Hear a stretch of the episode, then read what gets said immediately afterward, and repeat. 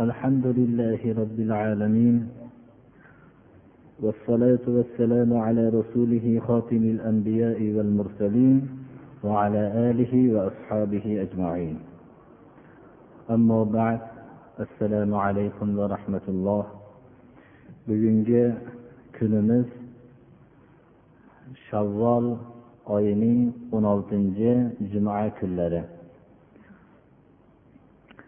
har juma kunidagi davom etayotgan qur'oni karimdan bo'lgan darsimiz sura baqaraning ma'lum bir o'rniga kelib to'xtagan edi. Bugungi darsimizda aslida sura baqarani ya'ni baqara sigir ma'nosini bildiradi. Shu ma'noni bilan shu nom bilan nomlanishligi vallohu alam surai baqarada sigir hikoyasi o'tgan bani isroilda sodir bo'lgan bir voqeani mana bugungi darsimizda zikr qilinadi. Shu bilan birga qur'oni karimdagi ko'p o'tgan payg'ambarlar davrida o'tgan voqealar turli o'rinlarda zikr qilingan. Ammo baqara ya'ni sigir voqeasi surai baqarada va hamda faqat shu o'rindagina zikr qilingan. Shuning uchun bo'lsa kerak mufassal keng suratda zikr qilingan. Bani isroil davrida bularning o'rtalarida bir kishi qatl qilinadi. Lekin qotil ma'lum bo'lmaydi. Hamma o'zidan qatl tuhmatini o'ziga nisbatlanib qolishligidan ehtiyot bo'lib hamma o'zida bu jinoyat sodir bo'lmaganligini isbotlashlikka uriniladi. Alloh subhanahu va taolo qotilni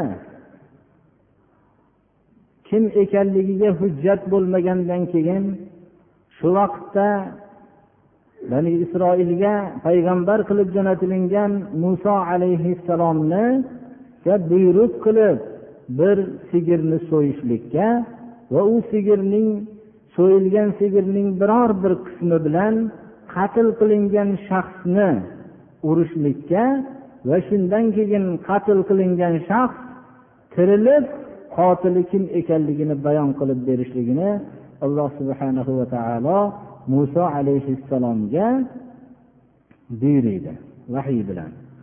Ana bu buyruqni bani isroil birdaniga qabul qilishmadi. Ular o'zlarining janjalkash tabiati bilan muso alayhissalomga turli savollar qilishib bu sigirning surati ko'rinishi qanday ahvolda bo'lishligini suol qilib o'zlariga ko'p qiyinchilikni ixtiyor qilib olishdilar. Agar avvaldagi buyruqni bajarishganlarida bir odatiy sigirni olib so'yishib bir qismi bilan qatl qilingan shaxsni urilganda u shaxs tirilib qotilini aytib bergan bo'lardi. Bu bani isroilda o'tgan voqeani alloh subhanahu va taolo bizlarga mana aytib berishligi bilan birga bizlarga ko'p ibratlar hosil bo'ladiki iymon islomida ishonch hosil qilgan kishi tarafidan biror bir farmon sodir bo'lsa uning ko'p tagida savollar paydo qilmasdan qilinishlik kerakligini va shu bilan birga bandalar o'zlariga savollar bilan ko'p qiyinchilikni ixtiyor qilib olmasliklarini shariati islomiyada bayon qilingan narsani qilishligimiz kerak. Uni tagidagi bayon qilinmagan narsalarni ko'p savol qilib o'tirishlikka hojat yo'qligi bizga ma'lum bo'ladi. Va shu bilan birga alloh subhanahu va taolo o'liklarni tiriltirishlikka qodir ekanligini insonlarning aqllariga to'g'ri kelmaydigan uslublar bilan qodir ekanligini isbotini voqeasini zikr qilib o'lgandan keyingi tirilish ham biz ko'rib turaveramizu lekin uning qanday sodir bo'layotganligini bilmaydigan suratda bo'lishligini bizga mana bu hikoyadan ma'lum bo'ladi birodarlar. أستعيذ بالله. وإذ قال موسى لقومه إن الله يأمركم أن تذبحوا بقرة. قالوا أتتخذنا هزوا؟ قال أعوذ بالله أن أكون من الجاهلين. eslang ey bani isroil muso alayhissalom o'zlarining xalqlariga ollohni buyrug'ini yetkazib e'lon qilganliklariniki olloh sizlarni bir sigir so'yishlikka qanday bo'lsa ham bir sigirni so'yishlikka buyuryapti.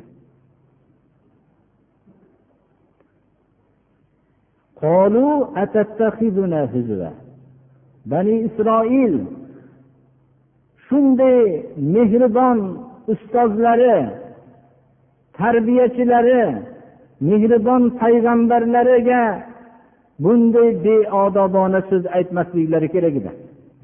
Ular bizni masxara qilyapsizmi? deyishdi.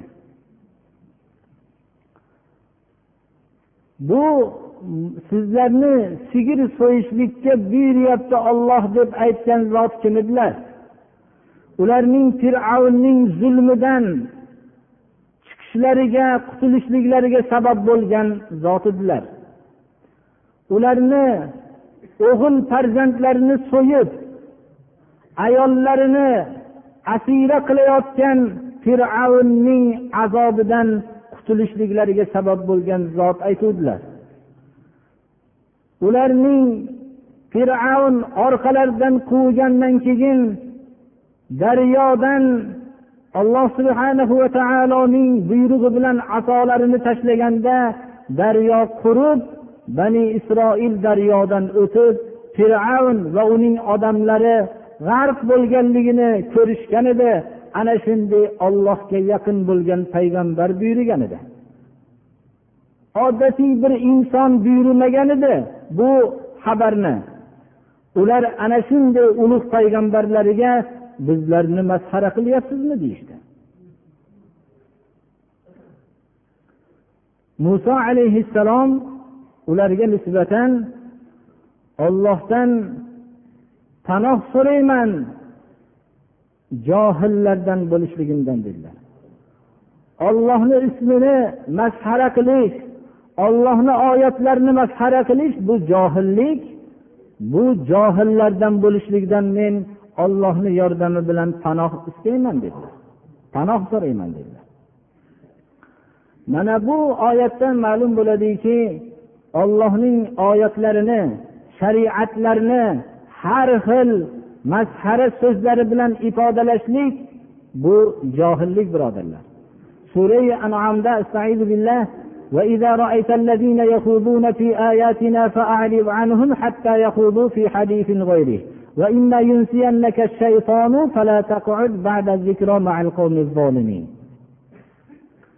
agar ollohni oyatlarini masxara qilib o'tirgan kishilarni ko'rsangiz ulardan yuz o'giring. Hatto ular boshqa so'zlariga sung'ib gaplashguncha ollohni oyatlarini masxara qilayotgan bo'lsa yuz o'giring bulardan. Qur'oni karimda johillardan yuz o'girishlikka ma'mur bo'lganmizki johillardan yuz o'giring deyapti alloh taolo. Ollohni oyatlarini masxara qilayotgan kishilar qat'an johillar ular. Biz ulardan bunday suhbat qurayotgan vaqtda yuz o'girishlikka ma'mur bo'lganmiz. Agar esingizdan shayton esingizdan chiqarib qo'yib shunday odamlarning suhbatida suhbatdosh bo'lib qolgan bo'lsangiz esingizga kelishlik bilan o'rningizdan turib keting deyapti alloh taolo.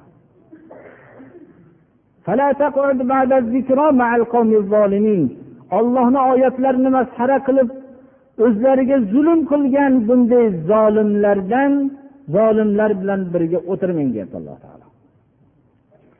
Har xil payrav yo'llariga olib ollohning oyatlarini hadis shariflarini payrov qilib yurgan odamlar ollohning shahodati bilan johil zolim bular bilan birga o'tirishlikdan biz qaytarilganmiz birodarlar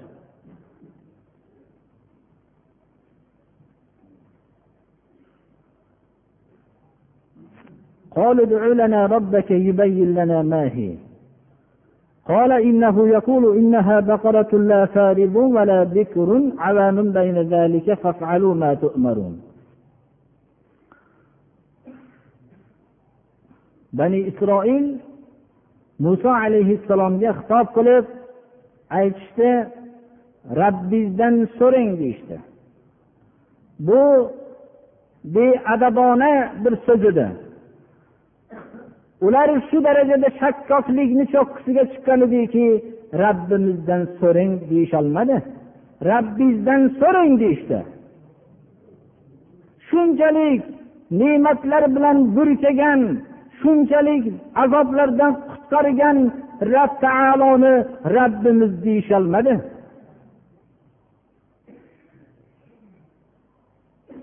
Rabbingizdan so'rang deyishdi.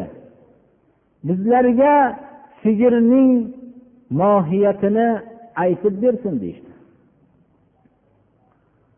Muso alayhissalomga alloh subhanahu va taolo bildirgan sigirning nima ekanligini bayon qildilar. Lekin ular mohiyatini so'rashganida bu kishi mohiyat inson idrokidan tashqari narsa. Inson hech bir narsaning mohiyatini bilmaydi. Inson har bir olamdagi narsalarning sifatlarini belgilarini bilishlik mohiyat bilishlik insonning yaratilishligidan bo'lgan maqsad xilofat vazifasiga ziddir. Hech qanday mohiyatni bilishlik insonning yer yuzidagi xilofat vazifasiga aloqamand masala emas. Shuning uchun muso alayhissalom alloh subhanahu va taoloning bayonidan keyin bu sigirning sifatini aytib berdilar. Muso alayhissalom aytdilarki olloh aytyapti bu sigir qari bo'lmagan va hamda yosh xunajin bo'lmagan va shuning o'rtacha shuning o'rtasida bo'lgan bir sigir dedilar. Yana savol qilib yurmanglar.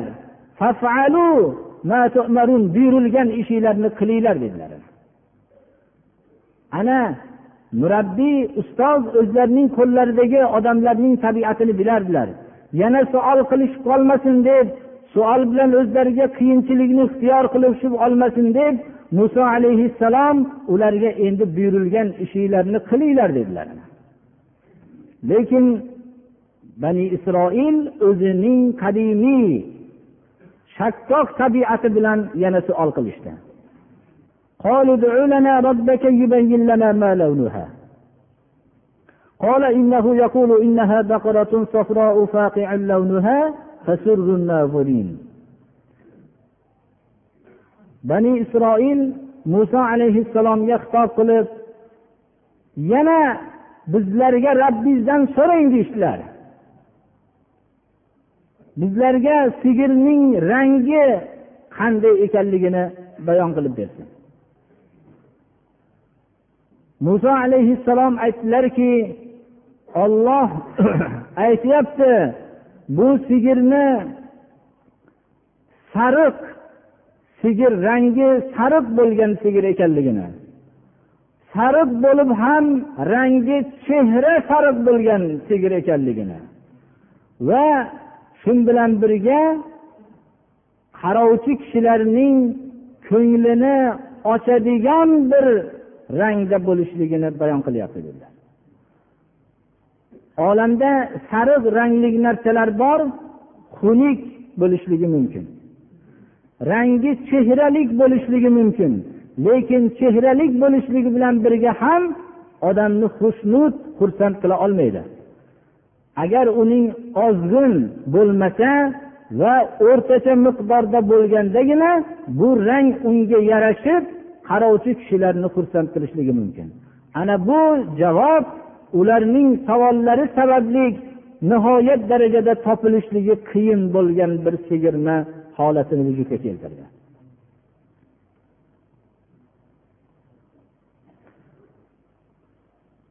bani isroil o'zining shakkok tabiatida davom etib yana savol qilishdi.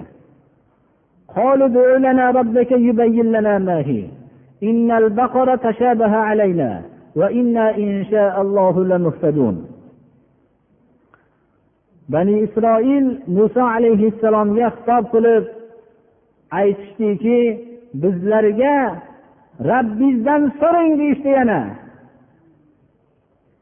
Shuncha tarbiyalar ularga rabbimizdan so'rang deyishlikni hosil qila olmadi birodarlar. Bizlarga sigirning nima ekanligini mohiyatini aytib bering. Chunki bu sigir bizlarga shubhalik bo'lib qoldi. Qanday ekanligi aniq ravshan bo'lmadi deyishdi. Biz inshaalloh sigirni sifatlab bersangiz buni albatta topajakmiz deyishdi. Muso alayhissalom alloh subhanahu va taolo tarafidan bo'lgan vahiydan keyin u kishi aytdilarki olloh aytyapti bu sigirning yer haydab ekinlarning sug'orib xor bo'lmagan sigir bo'lishligini aytyapti. Yer haydab o'zi xor holatda bo'lmagan bo'lsin. Ekinlarni sug'orib xorlangan bo'lmasin. Mana shunday toza bir sigir bo'lishligini aytyapti dedilar. Bo'lib ham ayblardan salomat bo'lsin. Rangining sariqligida biror bir boshqa bir alomat topilgan bo'lmasin. Ana bu juda ham bir mushkullik vujudga keldi birodarlar. Hayvonlar bilan shug'ullanib yurgan odamlar buni yaxshi bilishadilarki hayvonlar o'zini u darajada pokiza saqlay olmaydi birodarlar. Bu hozirgi aytilingan sifatlar nihoyatda bu hayvonning sifatlari bilan shu sifatlar bilan bo'ladigan hayvonning topilishligi qiyin bir holatni shu savollar vujudga keltirdi mana. قالوا الآن جئت بالحق فذبحوها وما كادوا يفعلون ular endi bizga haqni olib keldik deyishdi go'yoki avvaldagi gapirgan so'zlari haq emasdi deb e'tiqod qilishdi odatda savolni ko'p qiluvchi kishilar savol topolmay qolgandan keyin mana endi haqiqat ro'yobga chiqdi deb o'zlarining savollarini to'g'riligini isbotlashga urinishadilar O'zi savol berilmasdan turib ham bo'lgan haqiqat ma'lum bo'lgan bo'ladi. Lekin uning haq ekanligini ko'p savollardan keyin endi haqiqat bo'ldi deyishadilar boshqa savol berishlikni imkoniyati bo'lmagandan keyin birodarlar. Ana bular ham endi haqni olib keldik deyishdi rivoyatlarga qaraganda bu sigirning topishlikka ko'p mashaqqatlar chekishdi. Xullas topishdi. Topishib ollohni buyrug'iga muvofiq so'yishdi. Bu so'yishdiyu lekin uzoq vaqtlar bu amalga amalni qilishlikka yaqin bo'lmasdan uzoq muddatlar istab yurishgan edi qur'oni karimdagi hozirgi mana o'qilgan oyatlarni hozirgi bayon qilingan hikoyani asli nima ekanligini keyinroq zikr qilinib mana biz avvalda izohlab o'tdik voqea bani isroilda sodir bo'lgan voqeani izohladik mana bu oyat shu voqeani bildiradi استعيذ بالله وإذ قتلتم نفسا فادارأتم فيها والله مخرج ما كنتم تكتمون فقلنا اضربوه ببعضها كذلك يحيي الله الموتى ويريكم آياته لعلكم تعقلون eslang ey bani isroil yodingizga oling sizlar bir kishini qatl qilgan edinglar va bu qatl qilingan shaxs haqida husumatlashib qolgan edinglar qotilni aniqlay olmasdan. Shu vaqtni esga olinglar. Olloh sizlar bekitgan narsani albatta chiqaruvchi. Alloh subhanahu va taologa hech bir narsa maxfiy qolmaydi. Olloh sizlar bekitgan narsani chiqaruvchi. Biz aytdik shunday husumatlashib qolgan vaqtinglarda molni so'yishlikka buyruq qilib uning bir qismi bilan qatl qilingan shaxsni uringlar deb. Shu vaqtni esga olinglar. Ana voqeada bani isroil odatida o'zi sigir qurbon qilinardi. Bir aytilingan sifatdagi sigirni so'yishdilar. So'yishganlaridan keyin bir qismi bilan qatl qilingan shaxsni urishdi. Urishganlarida qatl qilingan shaxs tirilib qotilini aniq aytib berdi birodarlar. Lekin bu yerda shuni bilaylikki molning so'yilishligini va uning bir qismi bilan qatl qilingan shaxsning o'likni tiriltirishlikka nima aloqasi bor degan savol paydo bo'ladi. Alloh subhanahu va taolo o'likni tiriltirishlikni qanday bo'lishligini insonlarga hech bir aloqasi tushunarsiz bo'lgan surat bilan ko'rsatdi. Insonlar u qatl qilingan shaxsni sigirning so'yilgan sigirning bir qismi bilan urilganligini guvohi bo'lishdi. Bo'lgandan urilgandan keyin o'ldirilgan shaxs tirilib qotilini aniqlab berdi. Lekin uni qanday tirilganligini ko'rishib turdiyu qanday tirilayotganligini bilishganlar yo'q albatta. Ana shunday oxiratda ham chirigan suvaylarni alloh subhanahu va taolo ana shunday tiriltiradi. Sizlar buning guvohi bo'lib turasizlar lekin uning qanday tirilayotganligini kayfiyatini bilmaysizlar. Olloh ana shunday qanday tirilayotgan kayfiyatini sizlarga ma'lum qilmasdan o'zinglar shu o'lganlarning tirilayotganligini guvohi qilib turib sizlarni o'lganlarni tiriltiradi. Lekin olloh sizlarga har bir narsaning mohiyatlarini ko'rsatmaydi. Chunki sizlarning yer yuziga xilofat qilib jo'natilishliklaridan bo'lgan maqsad xalifalik vazifasiga olamdagi narsalarning mohiyatini bilishlikni hech qanday keragi yo'q. Olloh o'zining qudrat dalillarini sizlarga ko'rsatadi sizlar aqlli kishilardan bo'lishliginglar uchun. Olamdagi narsalarning mohiyatini haqida o'ylashlik aqllilik emas. Ollohning qudratlari ollohning yakkaligiga dalolat qiluvchi narsalarni bilishlikni o'rganishlik aqllilikni dalolat qiladigan aqllilikning belgisidir birodarlar. mana ana shunday olloh o'lganlarni tiriltiradi sizlar guvohi bo'lib turasizlar lekin qanday kayfiyatda ijro bo'lganligini bilmaysizlar olloh sizlarga o'zining qudrat dalillarini ko'rsatadi aqlli kishilardan bo'lishliginglar uchun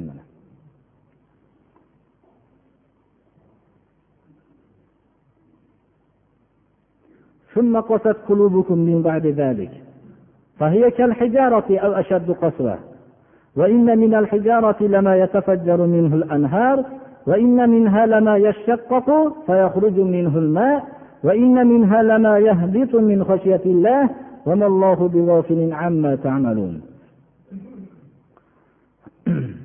بني إسرائيل muso alayhissalom vositalari bilan ko'p qudrat belgilarini guvohi bo'lishgan edi ular ko'p mo'jizotlarni ko'rishgan edi.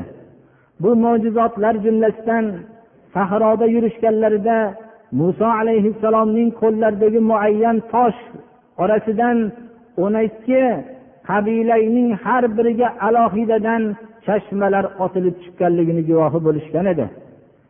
Tur tog'iga munojot uchun borganlarida alloh subhanahu va taologa muso alayhissalom iltijo qilib robbi arini. Xudoyo menga o'zingni ko'rsatgin degan edilar. Hargiz ko'ra olmaysan degan edi alloh taolo.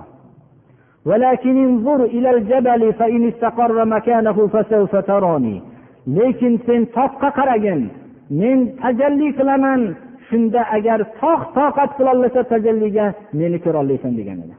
Alloh subhanahu va taolo tur tog'iga tajalli qilgan edi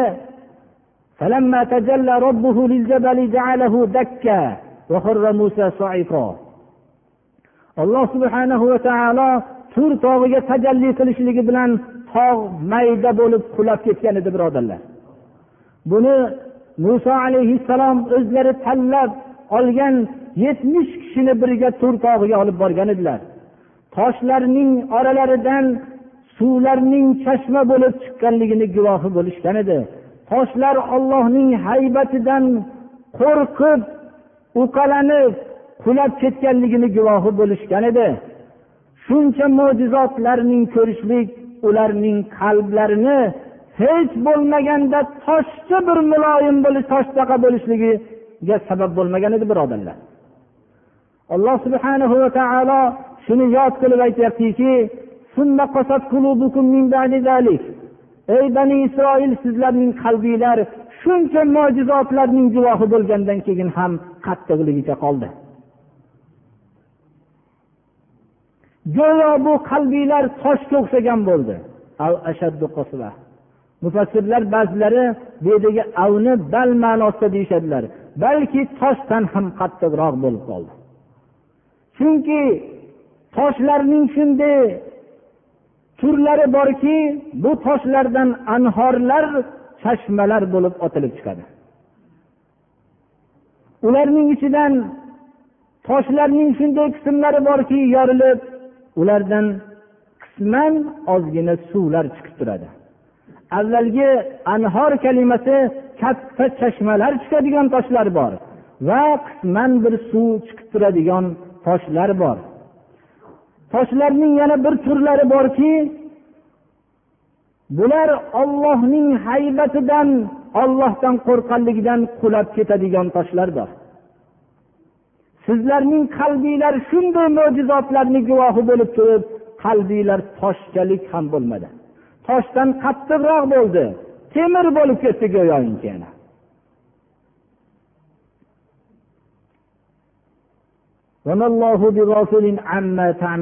Olloh sizlar qilayotgan amallardan g'ofil emas. Qilayotgan amallar shariatga xilof bo'lganligini ko'rib olloh tarafidan balo kelmayotganligini sizlar kelmayapti deb o'ylab o'zinglar shariatga zid ishlar bilan ovora bo'lganinglarda olloh tarafidan ne'matlar kelayotganligini ko'rib olloh qilayotgan amalimizdan g'ofil deb o'ylamanglar. Olloh hargiz g'ofil emas sizlar qilayotgan amaldan balki bu ne'matlarning osiy bo'lishliginglarga qaramasdan tushirib turishligi sizlarning oxiratdan mahrum bo'lganliginglarni belgisi birodarlar. Bu bilingki siz shariatga osiy bo'lib borayotgan bo'lsangiz olloh tarafidan ne'matlar uzilmasdan turgan bo'lsa bilingki ollohning e'tibordan qolganligingiz agar biror bir ollohni e'tiboriga kirsangiz sizni ogohlantiradi. Ba'zi musibatlar bilan ko'zingiz ochadi shu bilan siz ogohlanib o'zingizni tarbiyalab olasiz. Lekin afsus inson qilayotgan amallari shariatga zid bo'lib ketayotganligi bilan birga olloh tarafidan ne'matlar tushayotganligini ko'rib go'yoki inson o'zini ollohning doim bir insonning holidan xabardor ekanligidan beparvo bo'lib qoladi. Alloh subhanahu va taolo ogohlantiryaptiki olloh sizlar qilayotgan amaldan hargiz g'ofil emas bu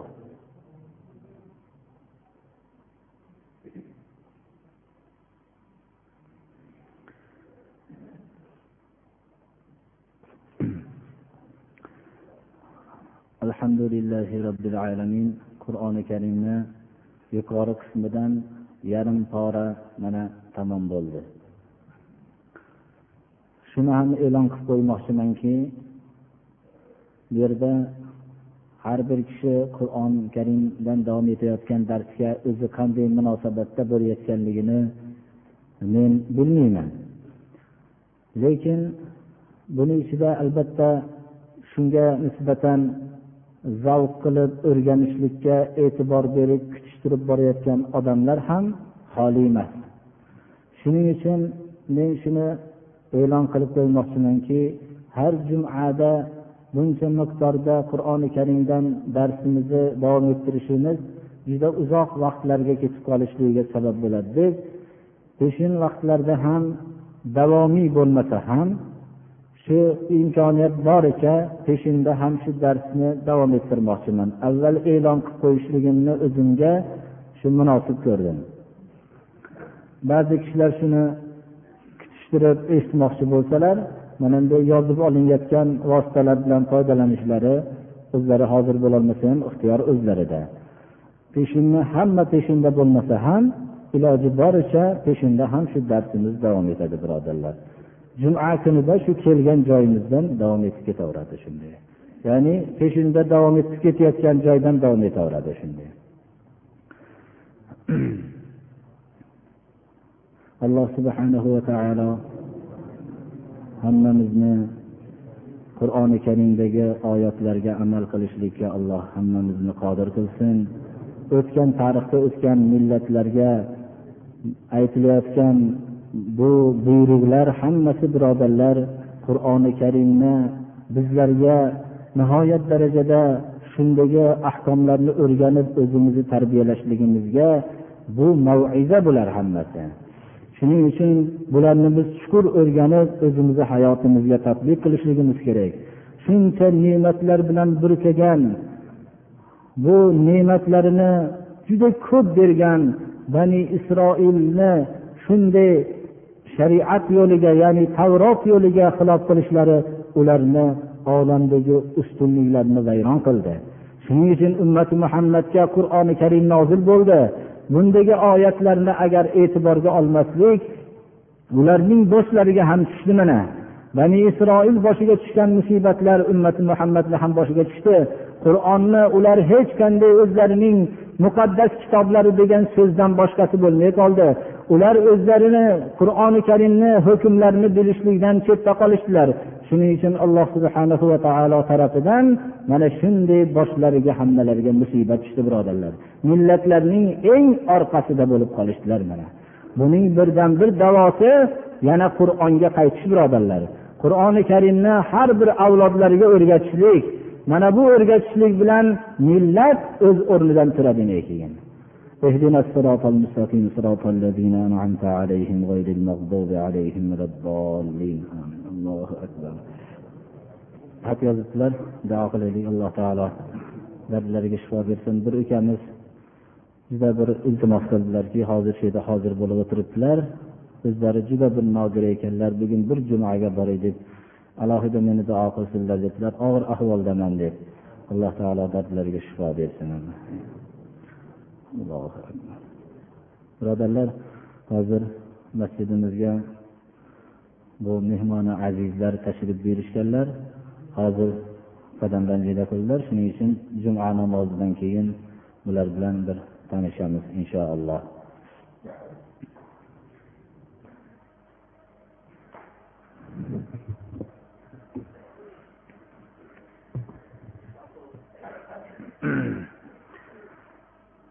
الحمد لله الذي له ما في السماوات وما في الأرض وله الحمد في الآخرة وهو الحكيم الخبير.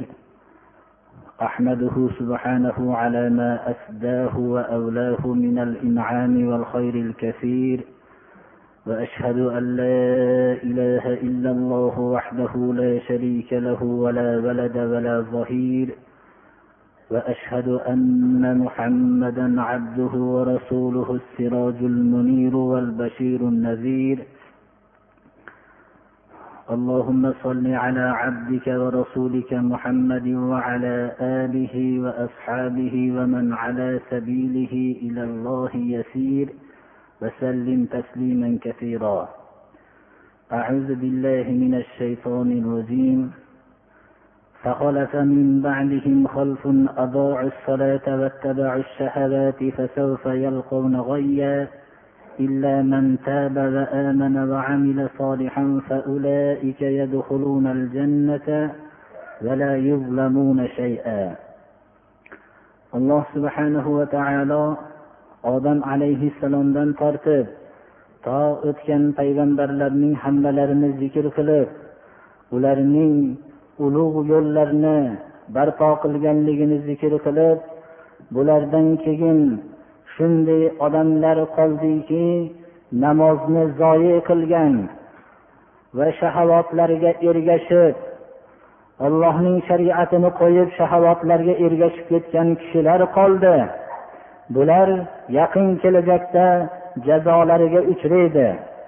Ammo tavba qilib iymon keltirib iymonlarining amali solih bilan isbotlagan kishilar bundan mustasno balki ular jannatga dohil bo'lishadilar deb bayon qilyapti shu oyatda. Birodarlar payg'ambarlar karvoni tamom bo'ldi. Oxirgi muhammad alayhissalom o'zlarining risolatlarini yetkazib rafiqa aloga ketdilar.